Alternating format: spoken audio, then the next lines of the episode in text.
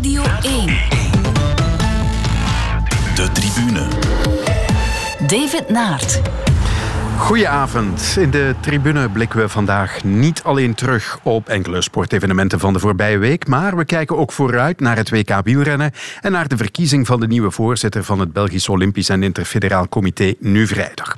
Zoals altijd mag ik twee gasten ontvangen. Vandaag zijn dat Eline Berings, de Olympische watcher van Radio 1 en sinds kort atleten af, en Hans van de Wegen, sportjournalist bij De Morgen. Eline en Hans, goedenavond en welkom. Ja, Hans, ben je alweer geacclimatiseerd na je wekenlange verblijf in Japan? ja, ja, ja, ja, ja. Ik ben, eh, twee dagen later ben ik naar Bretagne vertrokken met de mountainbike en met mijn vrouw. en met twee mountainbikes dus. En ehm, ja, we hebben gesport. eh, we hebben, eh, eh, ja, we hebben eh, Bretagne van onder tot boven bekeken. En eh, ik was meteen eh, ja, ont, ontluist. Ja, ja. Maar ik ben Tokio niet vergeten. Ik heb me uiteindelijk heel erg vermaakt in Tokio. Eh, Ja, dat was helemaal niet verwacht. Wat roept het spontaan bij je op als je er nu aan terugdenkt?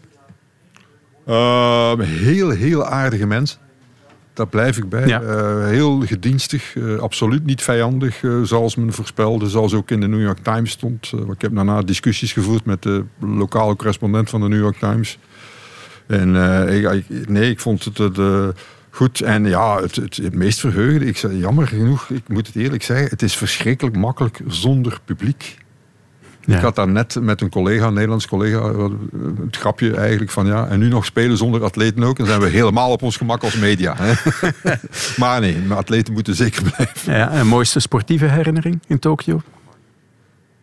Uh, je vervalt mij daar een beetje mee. Hè? Dat was ja, niet direct ja. de vraag. Hè? Mooiste herinnering. Een beetje spontaniteit mag ook. Hè, ja, een beetje spontaniteit mag ook, inderdaad. Um, mooi, ja, ja, nee, nee, nee. Een, een heel mooie herinnering was... De waskwaldames hebben verloren. Komen in de mixed zone. Julie Allemand passeert. Met de, haar hoofd tussen de schouders. En ze wil niks zeggen. En ik zeg, Julie, uh, quand même une, une question, s'il te plaît. En ze richt zich op. En ze draait zich om en ze zegt van... Uh, oui, ça va, oké. Okay. En het kwam er allemaal heel sereen uit. Van, we hebben gefaald, we hebben dit gedaan. Ik heb dit... Ja, ik moet zeggen, ik heb ja, daarna ook geschreven van... Chapeau. En allemaal eigenlijk. Hè. En maar Meesman was iets meer onder de indruk. Maar de coach ook. Die zei van ja, sorry, we hebben gefaald. Uh, we hadden dit moeten winnen. Ja. En Gilles allemaal ook. Ik deed echt uh, chapeau voor uh, zoveel moed om daar toch de uitleg te doen. Ik had ook begrepen, als had ze doorgelopen, ik had het begrepen. Maar dat was toch een moment dat ik dacht van, ja, kijk, dat is nu geen, geen topmoment, maar toch uh, ja. is mij bijgebleven. Ik zie je al de hele tijd meeknikken, Helene. Ja, en, en terecht ook, omdat dat, dat is ook sport. En ik vind het net heel belangrijk dat sporters dat ook doen, die momenten delen, die momenten van teleurstelling, dat je dan ook, hoe moeilijk ook, uh, inderdaad voor de camera gaat staan en dat deelt, omdat mensen dat ook wel moeten zien en mogen zien en vaak ook willen zien. En, uh, en terecht inderdaad, een heel nuchter analyse. Ook de dag nadien hebben ze allemaal nog interviews gedaan. Dus uh, ja, dat getuigt ook dat het wel echt grote kampioenen zijn. En dat ze toch in de toekomst uh, misschien het wel nog tot helemaal het einde gaan, gaan doen. Ja. Eline, jij kondigde afgelopen week aan dat je stopt als atlete. Hoe moeilijk was die beslissing uiteindelijk? Ja, toch wel heel moeilijk hoor. Het is toch uh, ja, 18 jaar van mijn leven dat ik toch echt wel internationale topsportster ben geweest. Dat alles in mijn leven daar rond gedraaid heeft. Van, uh, dat ook alles altijd duidelijk was van wat ga ik morgen doen. Is opstaan, gaan trainen. Volgende kampioenschap, volgende stage. Dat, dat lag allemaal vast. En dat dan... Ja, een beetje met die teleurstelling van Tokio missen ook. Uh, toch heel veel emoties, uh, heel veel verschillende emoties moeten verwerken. En ik had er wel echt tijd nodig. Ik denk dat veel mensen wel aanvoelen van oké, die komt niet meer in actie. Um, die zal waarschijnlijk ook wel stoppen. Het was ook aangekondigd dat ik dat zou doen. Maar tot het punt komen om het echt ook te doen, om echt ook het afscheid te nemen van die sport, was toch uh, niet evident. Maar ik ben blij dat ik het gedaan heb en ook uh, dat ik de kans heb gekregen om op de memorial uh, toch nog afscheid te nemen van het publiek. En dat heeft mij toch meer gedaan dan dat ik op voorhand verwacht had. Ja. ja. Train je nog? Op dit moment echt niet eigenlijk. Maar goed, ja. wij hebben altijd wel een beetje off-season. En, en uh, gaan, de, dat zie je bij Kevin en Jonathan Borlée ook. Die off-seasons worden altijd wel wat langer in de, in de carrière van een atleet. Als je jong bent, is één week genoeg. Als je wat ouder wordt, wordt dat al rap een maand, soms een maand en een half. Dus ik zit nog een beetje in mijn off-season. Maar ik zal zeker binnenkort wel terug gaan sporten. Maar niet meer als, uh, als topsporter. Ja, je weet ongetwijfeld nog wat dit is. Nu zijn we goed weg. En uh, uitstekende start van de Berings en Hildebrand. Berings aan de leiding. Berings op weg naar het goud. Dit kan niet er fout gaan. Berings wint goud. Berings wint goud. Fantastisch. 7.92, super tijd voor Eline Berings. En ze treedt in de voetsporen van Kim Gevaert en uh, Tia Hellebout. Ja, we hebben weer een Europese kampioen. Het is toch ongelooflijk. En wat een nationaal record, 7.92. Ja, ik moet niet vragen wat het was. Hè. Nee, ja, mijn Europese titel in 2009. Uh, natuurlijk, ja, zeker prestatie geweest, maar ook uh, heel de ervaring daar rond was uh, echt het hoogtepunt van mijn carrière. Toen was ik nog een beetje de new kid on the block. zoals je hoort, ook Kim Gewaard en Tia, die net gestopt waren. En iedereen dacht, er komt een beetje een leegte in atletiek. En toen kwam ik als 22-jarige Europees kampioene. Um, ik, denk dat dat, ik hoop dat dat basiskort nog lang zal staan. En blijft toch voor mij ook nu, als ik die momenten terughoor, wel, wel een fantastisch moment. Ja, hoe kijk je dan terug op die volledige carrière? Uh, dat er meer had gekund zonder die vermalendijde blessures die altijd maar de kop opstaken. Ja, maar niet alleen door die blessures. Ik heb natuurlijk inderdaad twee heel zware blessures gehad. Twee, twee keer een gescheurde kruisband aan dezelfde knie in 2015, 2016. Toen was ik 29, 30 jaar, dus dat had effectief wel, denk ik, ja, dat waren wel een beetje mijn beste jaren. Uh, of mogelijk hadden dat mijn beste jaren kunnen zijn, maar dat weet je ook nooit. Um, maar ik denk algemeen gezien, ik heb er heel veel uitgehaald naar mijn potentieel, maar ik heb wel het gevoel van, ik had wel zeker outdoor dan wel echt wel nog sneller kunnen lopen. Ik heb ook in 2018 op mijn 32e nog 12,72 gelopen na zo twee zware blessures dat is aan de ene kant uh, onwaarschijnlijk. Aan de andere kant voor mij zegt dat dat ik eigenlijk wel rapper had kunnen, misschien ook wel moeten lopen in, in, mijn beste jaren. Maar goed, uh, ik kan mezelf weinig verwijten. Ik heb er altijd heel veel voor gedaan, van jongs af, dag in dag uit. Uh, altijd op zoek geweest naar beter en naar, naar meer. En ik heb eigenlijk weinig spijt als ik terugkijk naar mijn carrière. En wat brengt het leven na de carrière? Co-commentaar geven tijdens de Memorial, dat hebben we al gehoord, vrijdag. Ja, misschien hier en daar. Uh, ja, ik wil eigenlijk aan, een, aan ja, eerst en vooral wel zaken proberen teruggeven aan de sportwereld en in de sportwereld blijven. Maar ik zal toch wel echt moeten op zoek gaan naar ja, de nieuwe, het nieuwe leven, een andere job. En uh, ik geef mezelf wel wat tijd. Uh, ik hoop dat ik eigenlijk ook wel weer wat high performant kan worden in een andere sector. Hopelijk ook in de sportwereld. Maar waar het zal zijn, op welke manier, dat ben ik nu nog aan het uitzoeken. Ik ga met heel veel mensen aan tafel zitten, ook de komende weken en maanden. En ik geef mezelf echt tijd om, om, om, om een, nieuwe, een nieuwe weg te zoeken. Je bent altijd welkom in de tribune op maandagavond, dat kan ik je al zeggen. Goed, we gaan naar de momenten van de week. En eerst het moment van Hans. Last weekend, he won at Spa in the country of his birth. This weekend in Holland, he is going to win as a Dutch driver, a Dutch national, and it is double Dutch delight for Max Verstappen, who crosses the line to win the Dutch Grand Prix. Tiesto waves the flag. Turn up to the max. Listen to that roar. As you uh, can hear already, it's just incredible. Um, course, you know, the expectations were very high going into the weekend, and it's never easy to uh, fulfill that. But um, yeah, I'm of course so happy to, to win here, uh, to take the lead as well in the championship. Uh, it's just uh, an amazing day with just the whole crowd. Yeah, it's incredible. Max Verstappen triomfeerde zondag in Zandvoort voor 70.000 uitzinnige Nederlanders. Vooral dat, hè. Dat, is, dat is het moment. Ik ken weinig van Formule 1, behalve dat ik gezien heb dat ze op zo'n soort verredelde strandparking hebben geraced. Waar dat was een van de saaiste races die ik in lange tijd heb gezien. Viel. Ja. En uh, ja, de eerste vijf op de grid zijn ook de eerste vijf geworden, want ze konden elkaar niet inhalen. Het was eigenlijk een soort natourcriterium, had ik de indruk. maar wat mij dan wel weer opvalt, is die Nederlanders worden dan helemaal gek. Hè. In de stadions, voetbalstadions, mag het nog niet helemaal vollopen. Moeten, maar uh, in Zandvoort uh, zat iedereen op elkaars lip. Uh, en oorspronkelijk mocht er nog meer volk komen. Hè? Er is nog een derde, moeten thuis blijven. Maar alles mag daar. Hè? Er is een sporthistoricus die nu heeft uitgevlooid dat destijds het circuit van Zandvoort na de heropbouw, na de Tweede Wereldoorlog, bij voorkeur beton heeft gekregen en bakstenen om het circuit aan te leggen. Terwijl heel Nederland eigenlijk beton en bakstenen nodig had en die voor de huizenbouw was. Maar dat was op voorspraak van het Koningshuis. En de koning was daar nu ook. Hè. Die stond mee te springen en te hossen. Zoals vaak, ja, ik heb daar wel bewondering voor, voor de manier waarop Nederlanders dat, eh, daar altijd weer een feest van maken. En, en, eh, en die man naar ongekende hoogtes eh, stuwen. Ja, en misschien zal een Nederlander de Formule 1 winnen aan het eind van het jaar. En dat is dan ook wel weer uniek natuurlijk. Hè. In een jaar dat ze al 36 medailles hadden mm op de Spelen. Het een heeft met ander niks te maken, maar toch in de breedte is toch een uh, enorm sportland. Ja, ja, ze maken er echt een event van. Hè. Dat, dat, dat viel mij op. Uh, goed, het, gaat het uh, winstgevend zijn? Dat denk ik niet met dat grote aantal toeschouwers dat nog moest thuisblijven. Maar toch, er staat wel wat. Hè. Er wordt ook qua management daar rond heel wat gedaan. Ja. Terwijl wij alweer naar de Waalse overheid moeten om de rekeningen ja, te betalen. in Francorchamps was het weer één grote puinhoop, als ik het goed uh, op Ja, de parking achteraf moet een ramp geweest ja, los van het feit dat ze niet hebben kunnen racen, maar dat is het weer. Maar de parking was inderdaad, en de, de hele logistiek daar rond. Terwijl in Nederland zorgen ze er gewoon voor dat de helft van die 70.000 met de fiets komen. Ja. Ja, Francorchamps iets moeilijker misschien. Ja, het is ietsje steiler.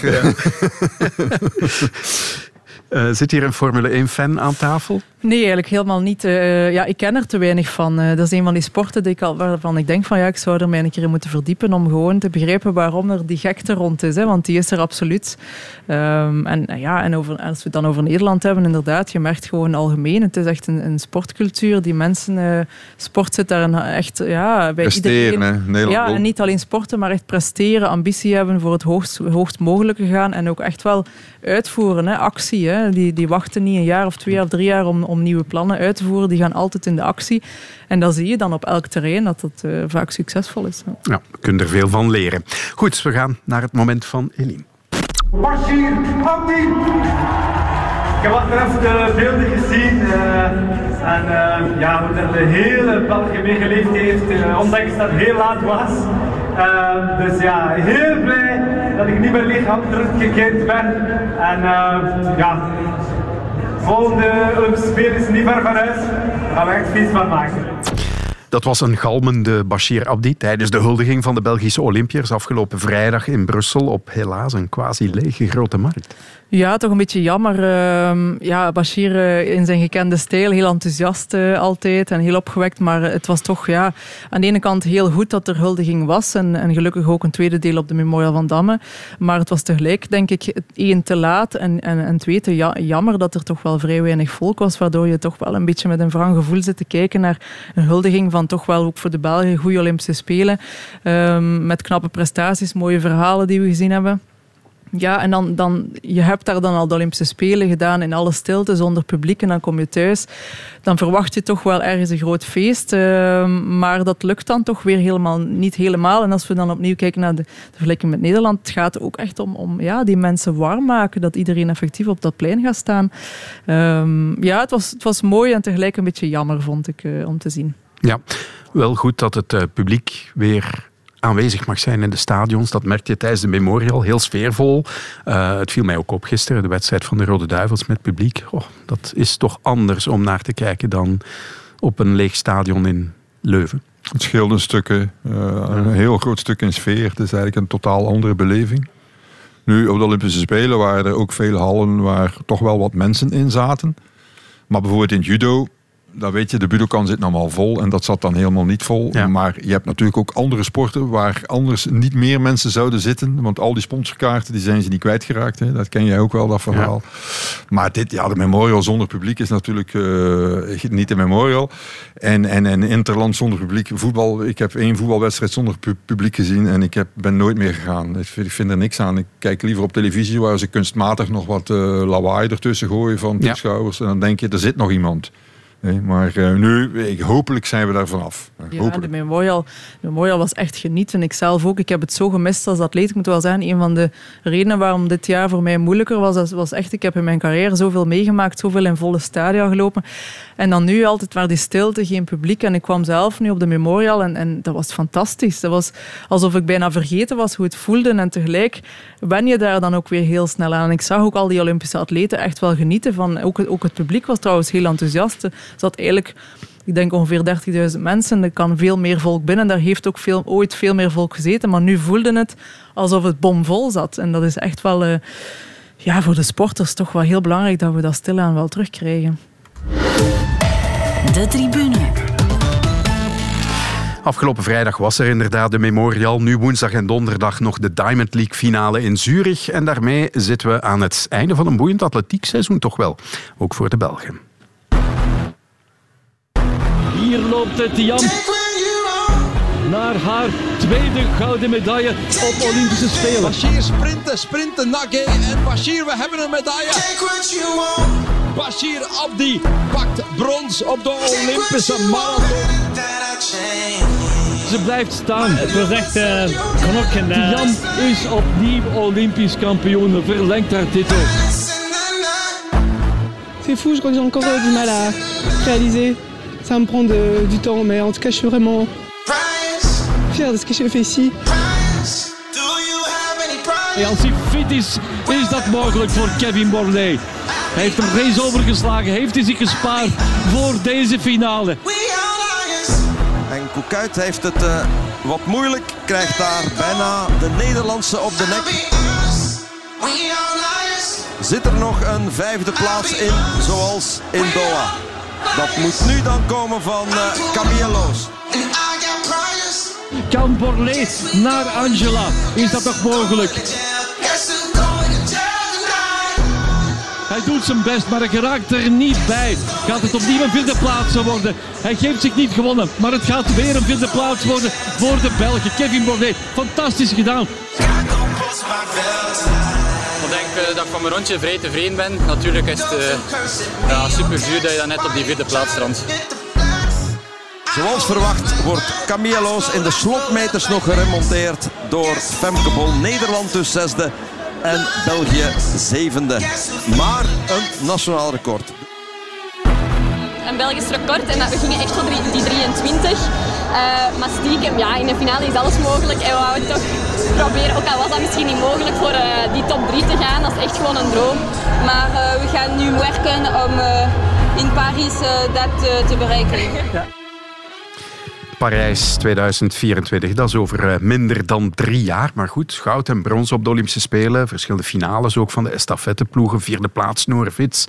Uh, was dit nu een Grand Cru zomer voor de Belgische atletiek? Ja, toch een van de beste zomers, denk ik. En zeker in de breedte. We hebben meer atleten die echt wel ja, finales lopen en in de buurt van medailles komen. We mogen toch niet vergeten, atletiek is echt een mondiale sport waar echt wel wereldwijd uh, mm-hmm. ja, de concurrentie is, is enorm. Uh, ja, overal ter wereld wordt het gedaan. En niet alleen gedaan, maar op een heel hoog niveau gedaan. Dus toch wel mooi om te zien. Um, ja, en, en, er werd toch wel, kwam niet heel veel aan bod in het filmpje weer, of niet zelfs denk ik, maar inderdaad ook Norvits, hè, die dan ja. uh, op de meerkamp vierde werd.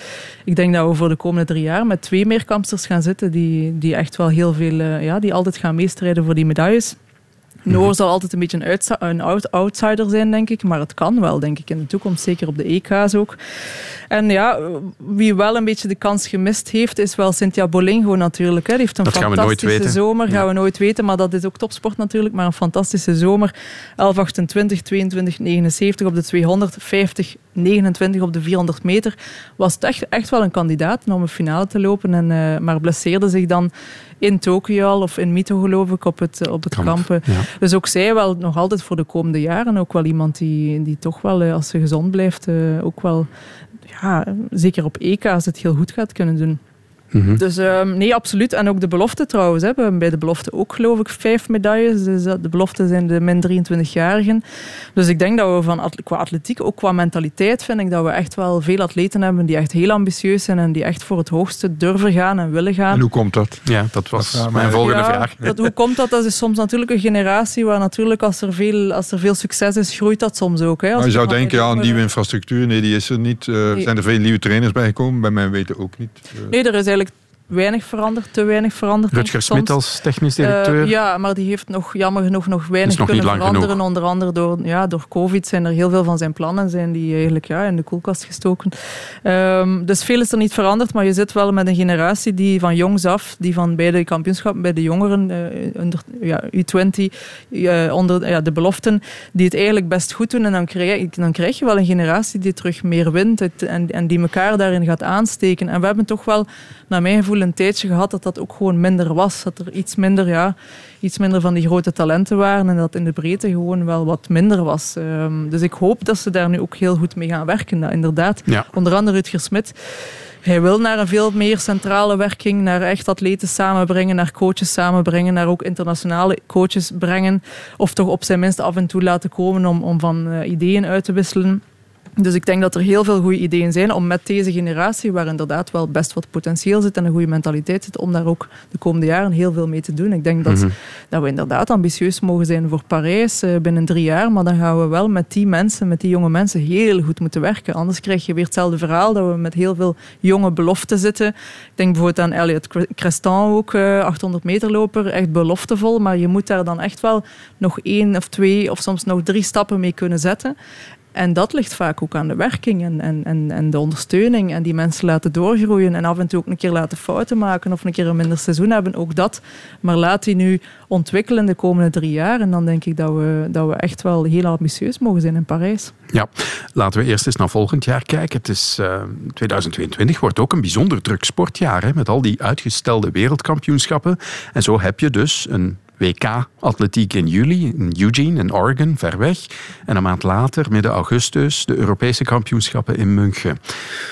Ehm, wordt dat een kwestie van combineren of misschien toch eerder voor verschillende Belgen volle focus op dat EK om te scoren dan, om daar de medailles te gaan rapen? Het, hangt, het, hangt, ook wel een beetje af van, je discipline natuurlijk. Uh, maar op zich voor atletiek zie ik niet echt een groot probleem. En het, feit dat je twee kampioenschappen in een zomer hebt. We hebben ook uh, de laatste jaren, en, als er Olympische Spelen zijn, zijn er vaak ook is er een EK vooraf dat is dan niet altijd kiezen. Op zich uh, is het perfect mogelijk uh, als je het allemaal goed uitbalanceert om op die twee momenten gewoon goed te zijn. En dan zie ik het eerder als twee kansen om, om, uh, om goed te presteren. Maar er zullen natuurlijk wel atleten zijn die een beetje een keuze zullen maken, die inderdaad de focus eerder op het EK zullen leggen. Dan denk ik vooral aan de jongere atleten die misschien voor het WK nog net um, ja, wat te licht zijn of nog net niet op dat niveau zijn. Of lange afstandlopers die natuurlijk wel moeten kiezen omdat het daar moeilijker is. Die zitten dan met hoogtestages en dergelijke. Dan kan je niet zomaar uh, twee weken later opnieuw top zijn. Dus het, hangt, uh, het gaat heel individueel zijn, maar ik vind het op zich voor atletieksport wel goed dat we twee keer uh, ook de aandacht gaan krijgen natuurlijk mm -hmm. en in de picture gaan komen. Maar bijvoorbeeld iemand als Norvits, die zou misschien alles op dat EK moeten zetten, waar wellicht een aantal toppers niet zullen meedoen. Twee, twee zevenkampen in één uh, maand zou een beetje moeilijk worden waarschijnlijk. Hè? Ja. Ja, maar Noor, heeft, Noor op zich heeft, heeft het wel al gedaan, ook vrij kort na elkaar. Maar inderdaad, dan maak je wel een keuze. Ofwel Piek, ik denk, daar, daar gaat dan mhm. de keuze. Ze kan misschien wel de beide doen, maar ze zal waarschijnlijk wel proberen toeleven naar een van de twee. Maar Meerkamp is natuurlijk ook wel vrij Europees. Er zijn wel nu twee Amerikaanse vrouwen die heel sterk zijn, maar het EK-WK is niet zo'n heel groot verschil op de Meerkamp. Dus dan zal het vooral ja, ook een beetje kijken zijn hoe het seizoen loopt en wanneer je in die piekvorm kan geraken. Want wij proberen dat natuurlijk altijd optimaal te plannen, maar daarom lukt lukt het niet altijd. Dus mhm. soms, soms gaat het zichzelf ook wel uitwijzen, denk ik, in, in het seizoen. Want ben je, ga je in staat zijn om in juli echt top te zijn of zal het eerder augustus zijn? dan, uh, ja. mag, mag, ik de Olympische analisten een keer een, uh, een vraag voor schotelen waar ze misschien niet graag op antwoordt. Maar als uh, het, het, uh, de Olympische meerkamptoernooi een, een Beneliga wordt, is dat een probleem? Wil dat iets zeggen? Mm, niet noodzakelijk. Uh, je bedoelt dat inderdaad de top 4 nu was, uh, waren twee Nederlandse vrouwen en twee Belgische vrouwen. Niet, niet noodzakelijk. Uh, dat lijkt wel een beetje op de veldrit taferelen, maar ik denk in dit geval is het eerder ja, toevallig. Het is niet zo dat, uh, dat alleen maar België en Nederland of alleen maar Europa nog geïnteresseerd is om de meerkamp. Eh, omdat we net ook zagen deze zomer dat er eindelijk ook twee Amerikaanse vrouwen. Ja, maar die ene is een ex-voetbalspeelster. Die, die, komt niet die komt ook niet uit het universitaire model, want daar doen ze het niet meer, hè, meerkamp. Nee, maar natuurlijk in Europa, zeker in Europa. Meerkamp is natuurlijk altijd al een beetje Europees geweest. Hè, dus daar mogen we eerlijk over zijn. Het is niet zoals bij de sprintnummers of de lange afstandnummers dat het echt wel gedomineerd wordt. En, en Behalve dan overal, Joanna. Uh, eh, ja, er zijn natuurlijk altijd uitzonderingen. Maar het is altijd vrij Europees geweest. Ehm, dus dat mhm. zal nog wel zo blijven. Maar het is niet zo dat we dan gaan naar... Het gaat tussen, altijd maar tussen twee of drie landen. het is echt wel enorm... Er zit toch wel een spreiding in qua verschillende landen die ook in de mm. meerkamp vertegenwoordigd zijn. En het ene jaar... Ja, we hebben een Britse, Duitse... Uh, ja, we hebben eigenlijk van alles al gehad. Ook Franse topmeerkampsters. Uh, Zweedse Carolina Kloof die jaren de meerkamp gedomineerd heeft. Dus ja, ik denk op zich uh, hoeft het niet negatief te zijn. En was het ook wel mooi natuurlijk. Hè. Je had die Belgisch-Nederlandse clash. Er waren wel mensen die zeiden, moeten die nu helemaal naar Tokio om de medailles dan te verdelen tussen België en Nederland. Maar goed, dat zijn, uh, dat zijn mooie verhalen, denk ik. Ja. Internationaal, Hans, je hebt uh, wellicht ook voor een deel meegemaakt in, in, in Tokio. Was het wat de atletiek betreft voor mij toch wel een topjaar. Je had die wereldrecords van Karsten Warholm en Sidney McLaughlin op de, op de lage horde. Maar ook de 100 meter, dat is een nummer van de vrouwen. Hè? Over de mannen spreken we niet meer. Ja, maar ehm, die tijden, ik moet heel eerlijk zeggen, ik vind de, de atletiekpers een beetje, ehm, ik ga mijn woorden wikken, ik ben daar niet gewend, een beetje hypocriet. Die tijden zijn natuurlijk allemaal het gevolg van die spikes. Hè. Mhm. Dat waarom ineens die 13 stappen kan, terwijl wij ons de- destijds druk maakten over Edwin Moses. Oh my god, die doet 15 stappen tussen de horden. Hè. Ja, nu zitten ze aan 13, straks is het aan twee stappen. Hè. We zijn marsupilami's die van de ene hoorn naar de andere springen. Ja, heb jij al op die nieuwe spikes gelopen? Ik heb ze niet getest. eh, en op de horde zie je ze ook minder, omdat we daar natuurlijk met het probleem zitten. Dat De horden blijven staan, hè? dus Ja. wij kunnen niet een pas minder zetten. Dat, is, Nee, dat gaat ja. niet. Dus die spikes, en ik heb het gevoel dat veel hordenlopers er... eh Anza bijvoorbeeld liep wel op die spikes. Je bedoelt de Maar, eh, 100 hoorden. De 100 horden dan. Hè? Dus Ja. bij ons is het minder van impact. Maar Op ik de denk 400 inderdaad op de dat een- 400, 800, 1500, die nummers zie, zie je inderdaad een evolutie die, die voor een groot deel eh, te maken heeft met nieuwe spikes. Maar wel in combinatie, de twee die we nu noemen, Warholm en McLaughlin, als ik het juist zeg, zijn wel natuurlijk ook fenomenen. Hè? Zijn van jongs af aan, zijn niet eh, plots eh, nu Nee. uit het niets helemaal beginnen eh, op dit niveau lopen. Ze zijn al de, komende, de, laatste drie, vier, vijf jaar zijn dat talenten die, die komen. Zij is nog altijd maar, denk ik, eh 223 of jonger zelf, Mhm. 21. Dus het is wel een combinatie hoor. De, de spikes, absoluut, mogen we niet ontkennen. Maar het, het is echt wel ook op, op bepaalde nummers zitten we wel echt ook met, met een ongezien niveau. eh, ja, echt supertalenten die dan ook nog een keer op super spikes lopen. En dan zie je dingen die je daarvoor nog nooit gezien hebt. Ja, en inderdaad, de 100 meter, dat is, eh, ja, de- bij de vrouwen is het veel mooier dan bij de mannen. Hè. Ja. Bij de mannen Wie is de Olympische kampioen bij de mannen? Die, de, die een Amerikaan die eigenlijk een Italiaan is. en, en die donker is. Donker huidskleur heeft. Over zijn voornaam heb ik ook weer moeten nadenken. Jacobs, dat, of Jacobs, Ja. dat wist ik nog. zeker, ja, ja. eh, Lamont, Marcel. Ja, ja. Is hij niet geboren in Florida of in Alabama? of in Texas of? Pal- ja. zo Ja. ergens. Oh ja, Texas, ja. Maar, maar ook daar, dat is, dat is wel echt een hypothese van mij hoor. Maar er wordt heel veel over de, de spikes gesproken, dan ook in de sprintnummers, omdat de vrouwen heel snel lopen dit jaar. En er wordt heel snel gezegd, ja, die spikes. Maar je ziet het niet bij de mannen. De mannen lopen eigenlijk tijden die we al jaren zien. Hè. Er zijn geen, ze lopen oké. de, de, ik denk de beste tijd dit jaar was 9,77 van Bromel. Niet uitzonderlijk. Terwijl bij de vrouwen zie je dan tijden. Die vrouwen lopen nu elke week 10,80, 10,70, 10,60 zelfs. Elaine Thompson, echt wel een fenomeen. Komt toch wel in de buurt qua tijden van, ik ga niet bold zeggen, maar toch bijna. Ehm, en dan wordt heel, heel veel gesproken over die spikes. En ik, ik denk dat het wel klopt dat ook bij die spikes, bij de vrouwen, misschien ook gewoon meer effect hebben op de sprint dan, hè, dan bij de mannen omdat je eigenlijk ziet dat die, vrouw, die vrouwen nu technisch veel langer kunnen die, die door de snelheid ja. kunnen houden. Ja. En bij de mannen, die, die konden dat eigenlijk al. Die konden die techniek, die frontside mechanics, eh, die in de sprint heel veel besproken worden, die konden die techniek eigenlijk al 100 meter lang aanhouden. De vrouwen konden dat eigenlijk minder. En als je nu kijkt naar bijvoorbeeld Shelly Ann Fraser-Price, hoe zij nu loopt, technisch dan, en twee, drie jaar geleden, dat is een enorm verschil. En dat heeft, denk ik, maar dat is mijn hypothese, ik heb dat nog niet... eh, ja, ik ben geen wetenschapper natuurlijk, maar naar mijn gevoel heeft dat ook wel met die spikes te maken. Maar tegelijk zitten we wel met een fenomenaal niveau van sprintvrouwen. Elaine Thompson, Shelly Ann Fraser-Price zijn misschien ook wel gewoon de... Ik heb ook, ik heb ook begrepen dat in de, Veren- in de Verenigde Staten eh, de, de sprint eh, in de- op de universiteit de laatste twee jaar helemaal in elkaar is gestuikt. Enerzijds omwille van corona en anderzijds omwille van een veel betere scouting door de andere sporten. Hè. Met name American football. Hè. Ja, en, veel lucratievere sport. Als je in American football een klein contractje hebt, dan spreek je over 2 miljoen dollar. Hè. Ja. En dat is geen enkele sprinter die dat ooit zal winnen. Hè. Ooit Ja. zal verdienen bedoel ik. Hè. Dus, eh, ja, dus eh, die worden daaruit gefilterd. En dat is al veel langer. dat daar de goede elementen worden uitgefilterd. En bij de mannen denk ik dat dat echt wel een probleem is. Dat de Amerikaanse toevoer eh, stilaan aan het, aan het stokken is. Hè. Ja. We zullen zien wat 2022 brengt. De tribune. Mijn gasten vandaag zijn Eline Berings en Hans van de Wegen. En we gaan het nu hebben over het eh, BOIC. Want eh, Jean-Michel Seyve wordt al een tijd klaargestoomd om Pierre-Olivier Bekkers op te volgen als voorzitter. Alles leek in kannen en kruidke tot deze zomer ook Heidi Rakels zich kandidaat stelde. Goedenavond Heidi. Goedenavond. Zeg eens, waar ben je ergens nu? Eh, ik ben een Zwartje van Tora. We zijn hier aan het windsurfen. Je bent een fervent windsurfster, mag ik wel zeggen. Ja, vooral, vooral mijn vriend. En ik ben gevolgd. Eh, het is een beetje zwoegen, want ik heb niet zoveel, eh, niet zoveel ervaring als hem. Maar goed, eh, ik doe het ook wel graag, ja. Ja, je wou er nog even tussenuit. Op enkele dagen van de stemming. Hoe kijk je daar nu tegenaan, tegen die stemming?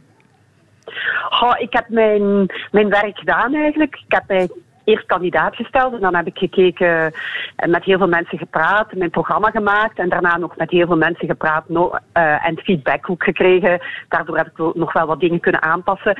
Maar nu, ja, ik heb mijn werk gedaan, nu moet ik de mensen ook met rust laten, vind ik. En uh, die, die vakantie was trouwens al heel lang geboekt en het werd wel eens tijd na 2,5 jaar. Ja, inderdaad.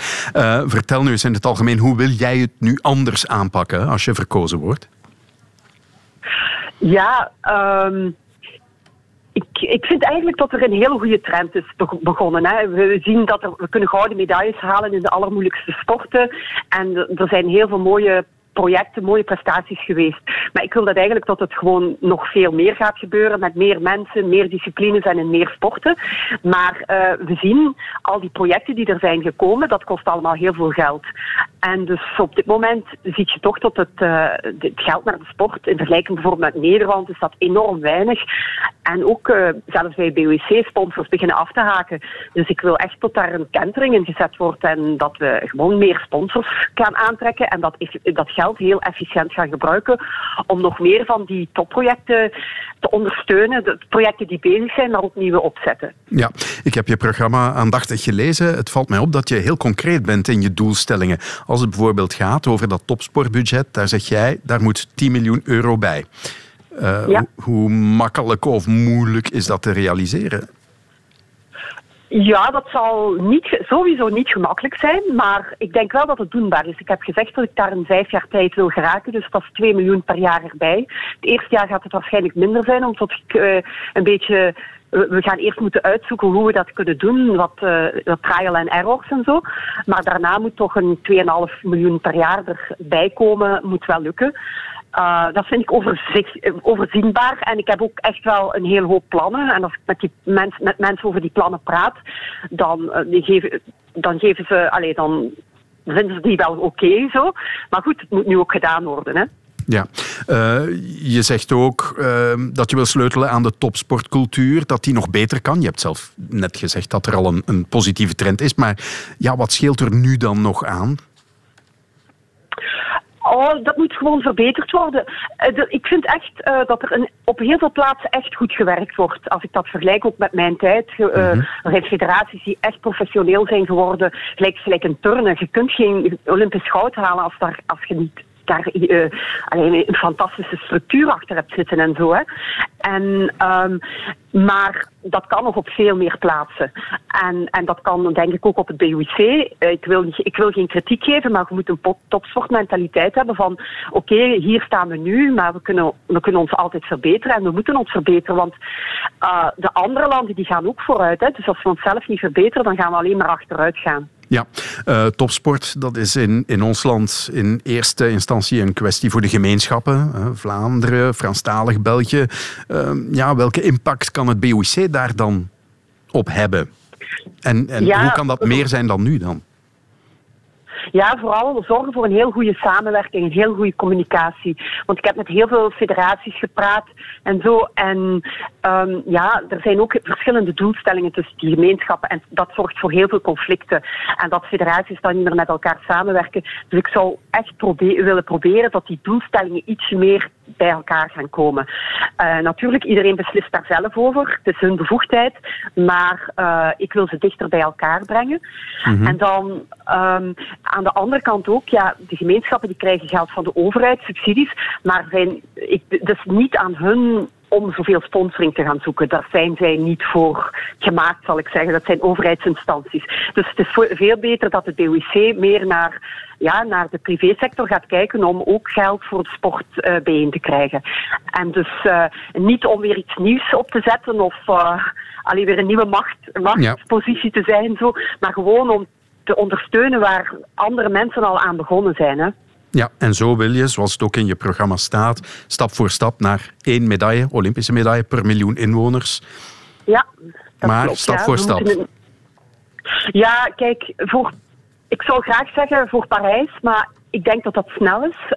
de, de basis voor Parijs moet ook gelegd zijn. Zeker met een beetje geluk kan dat wel, hè, want nu hadden we zoveel vierde plaatsen. Maar goed, Los Angeles, als we het daar niet bereiken, dan vind ik dat ik mislukt ben. Ja. en niet dat de andere mensen mislukt zijn, maar voor mijzelf is dat wel, daar moeten we zijn. Anders heb ik mijn werk, vind ik, niet goed gedaan. Ja, je hebt zelf met Guard Square en met succes een bedrijf uit de grond gestampt. Wat, wat kun jij nu uit die ervaring van de bedrijfswereld meenemen naar dat BOIC? Ja, zelf vind ik uh, het POIC een beetje gelijk een scale-up. Uh, dus mijn bedrijf Gasquel was eerst een start-up en dan een scale-up. En een scale-up betekent eigenlijk dat je weet wat je moet doen en hoe je het moet doen. Je moet het alleen gaan schalen. En het BOIC is net hetzelfde. We hebben gouden medailles gehaald. Uh, we weten hoe we het doen. We moeten het alleen veel meer gaan doen. Dus, uh, en daarvoor is natuurlijk geld nodig. En daarvoor is ook echt een, een investeringsmentaliteit nodig. Um, een, een, mentaliteit van we willen groeien. En we gaan ook geld daaraan besteden om te groeien en zo. En, um, dus, en ook in die, die start-up, scale-up wereld, daar leeft ook een bepaalde mentaliteit, een, een drive. Daar is eigenlijk stilstaan failliet gaan. En dat maakt dat er daar zo'n drive zit van je moet wel. En terwijl mhm. men vaak zegt in de sportwereld, ja, sponsors, ja, het is moeilijk, het is moeilijk. En dan, ja, dat, dus ja, maar zo. En dan, dan blijft men bij de pakken zitten. Ja, in de, bij ons ja, als, je, als, het niet, het moeilijke, als het moeilijk is, je moet het doen, anders gaat je gewoon failliet. En dat is toch een, een vechtersmentaliteit die ik hoop dat ik uh, in de sportwereld ook kan inkrijgen. Wat heb je voor reacties gekregen toen je met al die federaties hebt gesproken? Um, ja, sommige mensen, het is heel grappig, heel, heel verschillende reacties. Sommige mensen zeggen die 10 miljoen dat het onmogelijk is, en andere mensen zeggen, oh ja, dat is, uh, normaal of zo. En zelfs iemand zei me zelfs, allee, die legt die doelstellingen toch maar laag. en dan uh, had ik wel ook met redelijk veel, ja, er zijn natuurlijk ook enorm veel kleine federaties en niet-Olympische federaties. En die waren dan toch een beetje bang dat, uh, dat ik geen aandacht voor hen zou aan hen zou besteden. Maar kijk, op dit moment wordt er al jaren geen aandacht aan al die federaties besteed. En ik zeg, op dit moment is er gewoon ook geen geld. Dus als je iets gaat aan die mensen beloven, maar je gaat niet iets aan het geldprobleem doen, dan, dan zijn dat eigenlijk leugens. Dus ik, ga, ik wil dat er 10 miljoen bij komt. En als er 10 miljoen bij komt, dan gaat ook een deel naar niet-Olympische sporten gaan en eh, kleinere federaties gaan. Zodanig dat die mensen ook goed de steun krijgen die ze ook verdienen. Ja. Dus ja, die, die, die mensen die waren nogal bang dat zij eh, over het hoofd gezien werden. Ja. Ik heb nog één vraagje. Hoe belangrijk is het voor jou zelf dat er een vrouw aan het hoofd zou komen van het Belgisch Olympisch Comité? Goh, Want veel vrouwen zijn er niet die een hoofdrol spelen als je kijkt naar de governance, naar de sportfederaties. Hè? Ja, het is duidelijk dat men vrouwen echt moet gaan vragen voor zo'n zaken. Want ze stellen zichzelf niet kandidaat. Nu ook voor de raad van bestuur van BOIC zijn er weer heel weinig kandidaten. En men moet dus vrouwen echt gaan vragen, want er zijn veel vrouwen die de capaciteiten hebben. Hè, maar ik denk dat je er wat meer achterheen moet zitten. En wat ik vind is, um, dan één keer als er ergens een verkiezing is, dan moet men niet zeggen, ah, het moet een vrouw worden, want ze is een vrouw. Mhm. Maar moet men gewoon kijken, ja, het moet de beste zijn. En of dat nu een man is of een vrouw is, dat maakt niet uit. Maar als je natuurlijk vrouw bent en de beste bent en je zou het niet worden, dat is natuurlijk niet goed. Oké, Heidi, bedankt om uh, van op Fuerteventura even aan de lijn te komen. En ik wens je veel succes komende vrijdag bij de verkiezing van de nieuwe BOIC-voorzitter. Dank u wel. Tot gauw. Ja, Hans en Eline, jullie hebben mee zitten luisteren. Uh, wat een verfrissend geluid, denk ik, als ik Heidi hoor. Ik was... Uh denk ik een van de eerste van de media op de hoogte. Mm -hmm. ik heb jou toen nog, nog gebeld. Ja, gebeld, klopt. Om te zeggen, hey, dat is wel nieuw. Uh, we kennen haar allebei. Uh, ja, ik was perschef toen ze brons won in Barcelona. is een totaal andere vrouw geworden. Ehm, dat bedrijf opgezet. Ik heb haar ook geïnterviewd toen ze het, met het bedrijf ja, heel succesvol was en net een vijandige overname van een uh, Amerikaan, of het was geen overname, het was iets met een patentaanval uh, had afgeslagen. Ik was echt verbouwereerd van uh, wie Heidi Rakels was geworden. En toen ze dat nu zei van ja, ik zou dat willen doen, zei ik van Heidi, ja, ik dacht meteen van ja, het is gewoon een spel. dat denk ik nu niet meer, maar goed. Maar we hebben iemand die competent is. We hebben iemand die in die 115 jaar BOIC hebben vier jaar een Vlaamse voorzitter gehad. We hebben iemand die Vlaams is, dat speelt een rol. En we hebben een vrouw. Ik vind dat eigenlijk niet in eerste instantie belangrijk, maar ik vind het een zeer, een, een zeer goed bijkomend argument. Mhm om te zeggen, ik heb het vandaag ook geschreven, er is geen enkele goede reden om niet voor Heidi Rakos te kiezen. Maar de mannetjes die zullen kiezen, zullen veel goede redenen uitvinden. Het, zijn de sportbonden eigenlijk, hè, die, ja, die stemmen. Ja, ja, ja, en het zijn heel speciale sportbonden, het zijn de nationale sportbonden. Mhm. En daar heeft Vlaanderen niet altijd heel veel, uh, krijgt daar niet heel veel aandacht. En, uh, Terwijl ja, een niet onaanzienlijk deel van de prestaties geleverd wordt Ongeveer door alles, Vlaamse sporters. Alles, behalve ja. Nafitiam. En, uh, en dan kunnen zeggen, ja, de hockeyers, dat is tweetalig, is juist. Maar ook dat is voornamelijk betaald met Vlaams geld de laatste jaren. Uh, mm -hmm. En door Nederlanders opgezet. Uh, dus wat dat betreft is het uiteindelijk in, in, in, is het momenteel een Vlaams verhaal, de sport. Ik met mijn Franstalige collega's, die zijn er een beetje pist over op mij. maar je kan, er, je kan er niet omheen. dus ik denk ik van, ja, eigenlijk hebben wij daar recht op dat er een keer iemand van onze taalrol, mm -hmm. na Jacques want dat was de laatste, in 92 afgehaakt. Ja. Eline, wat uh, vind jij ervan? Van, ben je ermee bezig met die, met die verkiezingen? En, en wat, wat, vind je van die kandidatuur van uh, Heidi Rakels? Ja, ik ben ook, uh, Hans weet dat ook, ik ben altijd wel een atleet geweest die ook met zo'n zaak wel wat bezig is. Hè? Die, die ook wel meedenkt en, en dat wel opvolgt. En ja, wat mij gewoon wel opvalt, ook nu weer in het interview, maar ook de artikels die ik gelezen heb, is dat ze inderdaad uh, heel, mij heel daadkrachtig lijkt en, en heel, met heel concrete plannen en concrete ideeën naar voren komt, maar vooral plannen en vooral tot actie wilt overgaan. Uh, ik ben juist een boek aan het lezen en daar, stond een quote in van liever één, uh, act met, uh, één actie met veel moed dan honderden vision boards of honderden ideeën. En ik denk, zij lijkt me echt ja, een businessvrouw die weet van ja, het is alles wat telt is vandaag en morgen. Ook in topsport. het gaat, een, een topsportcarrière duurt drie, vier, vijf jaar. Ik heb er nu wel zelf iets langer over gedaan, maar de meerderheid, het gaat maar over zo'n periode. Parijs zal er heel snel zijn en we hebben mensen nodig die, die met heel concrete acties willen zaken ver veranderen, willen verbeteren. De sportwereld is dynamisch en we moeten altijd vooruit. Hè. We kunnen nu niet te lang blij zijn met de prestaties van Tokio. We moeten die willen verbeteren, herhalen. En ze spreekt ook inderdaad van meer projecten uitbouwen. Hè. Bijvoorbeeld inderdaad de hockeyploeg, uh, ook Norvits is wel een voorbeeld van iemand die in een project zit met, met coach Fernando Olivas. Ze zit echt in een meerkampproject en is daar nu al de vruchten van aan het plukken. En we moeten dat veel meer hebben. Die, die echte, het gaan opbouwen van nul bijna. Hè. Niet alleen maar wachten op die supertalenten. Die Nafitiams en, en zelfs ook een Nina Derwaal, denk ik, dat zijn van die atleten die, die, ja, die, die, die ook zonder heel veel uh, perfecte omkadering, ze zijn goed begeleid voor alle duidelijkheid, hè, maar we moeten ook die die, die, die daar net onder zitten meekrijgen. Die Norvitsen moeten we meekrijgen en dat zijn de mensen, als je dan over 10, 11 medailles spreekt, dat zijn die atleten, maar die moeten echt wel in een topomkadering terechtkomen. En ik heb wel het gevoel dat iemand als Heidi daar wel voldoende inzicht in heeft om, om daarmee aan te gaan bouwen. Dus, uh, ja, ja. David, David, jij bent er ook genoeg geweest en je kent het BOIC ook.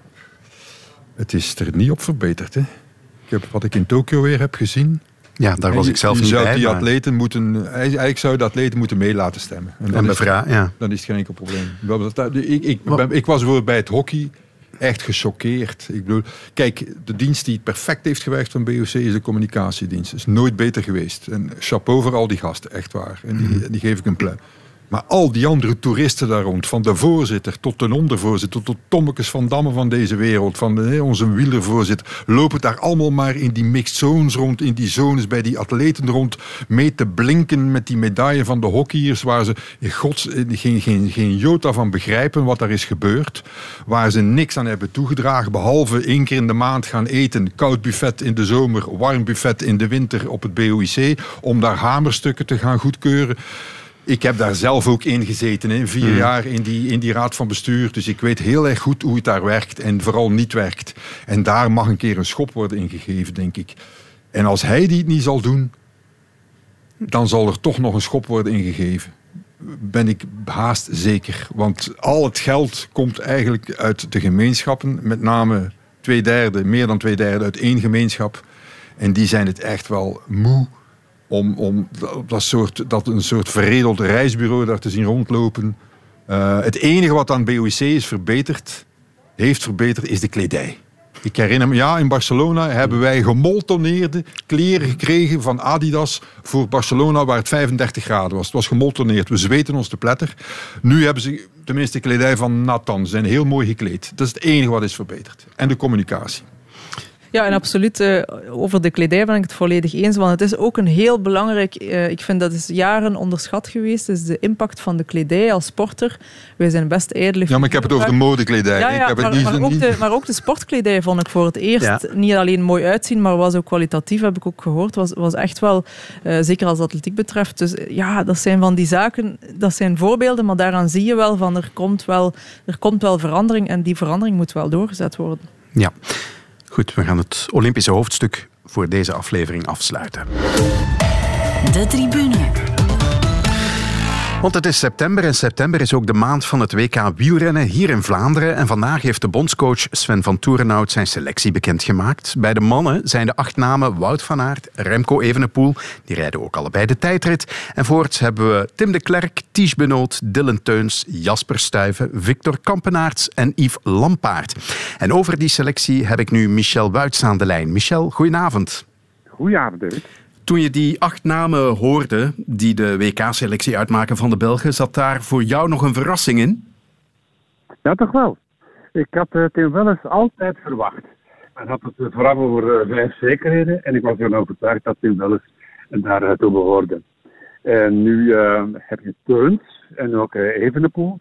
En ik dacht dat Welles altijd de voorkeur zou krijgen op één van die twee. Ja. En dat is niet gebeurd. Ja. Is dat dan in jouw ogen niet de best mogelijke ploeg om die ene kopman, Wout van Aert, mee te omringen? Mm, dat zou ik niet durven zeggen. Um, als ik dan uh, even nadenk en dan de mogelijkheden van de individu's inschat, en ik sta bijvoorbeeld stil bij de mogelijkheden van Teuns, dan uh, acht ik Teuns bijvoorbeeld in staat om uh, een loodsrol te spelen in mogelijke sprints met Van Aert als winnaar.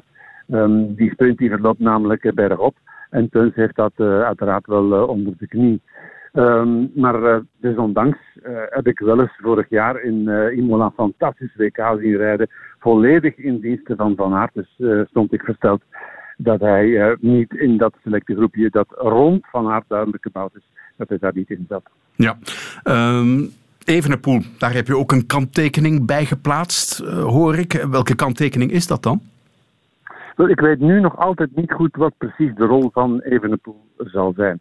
Uh, gaat hij een soort van bliksemafleider mogen spelen?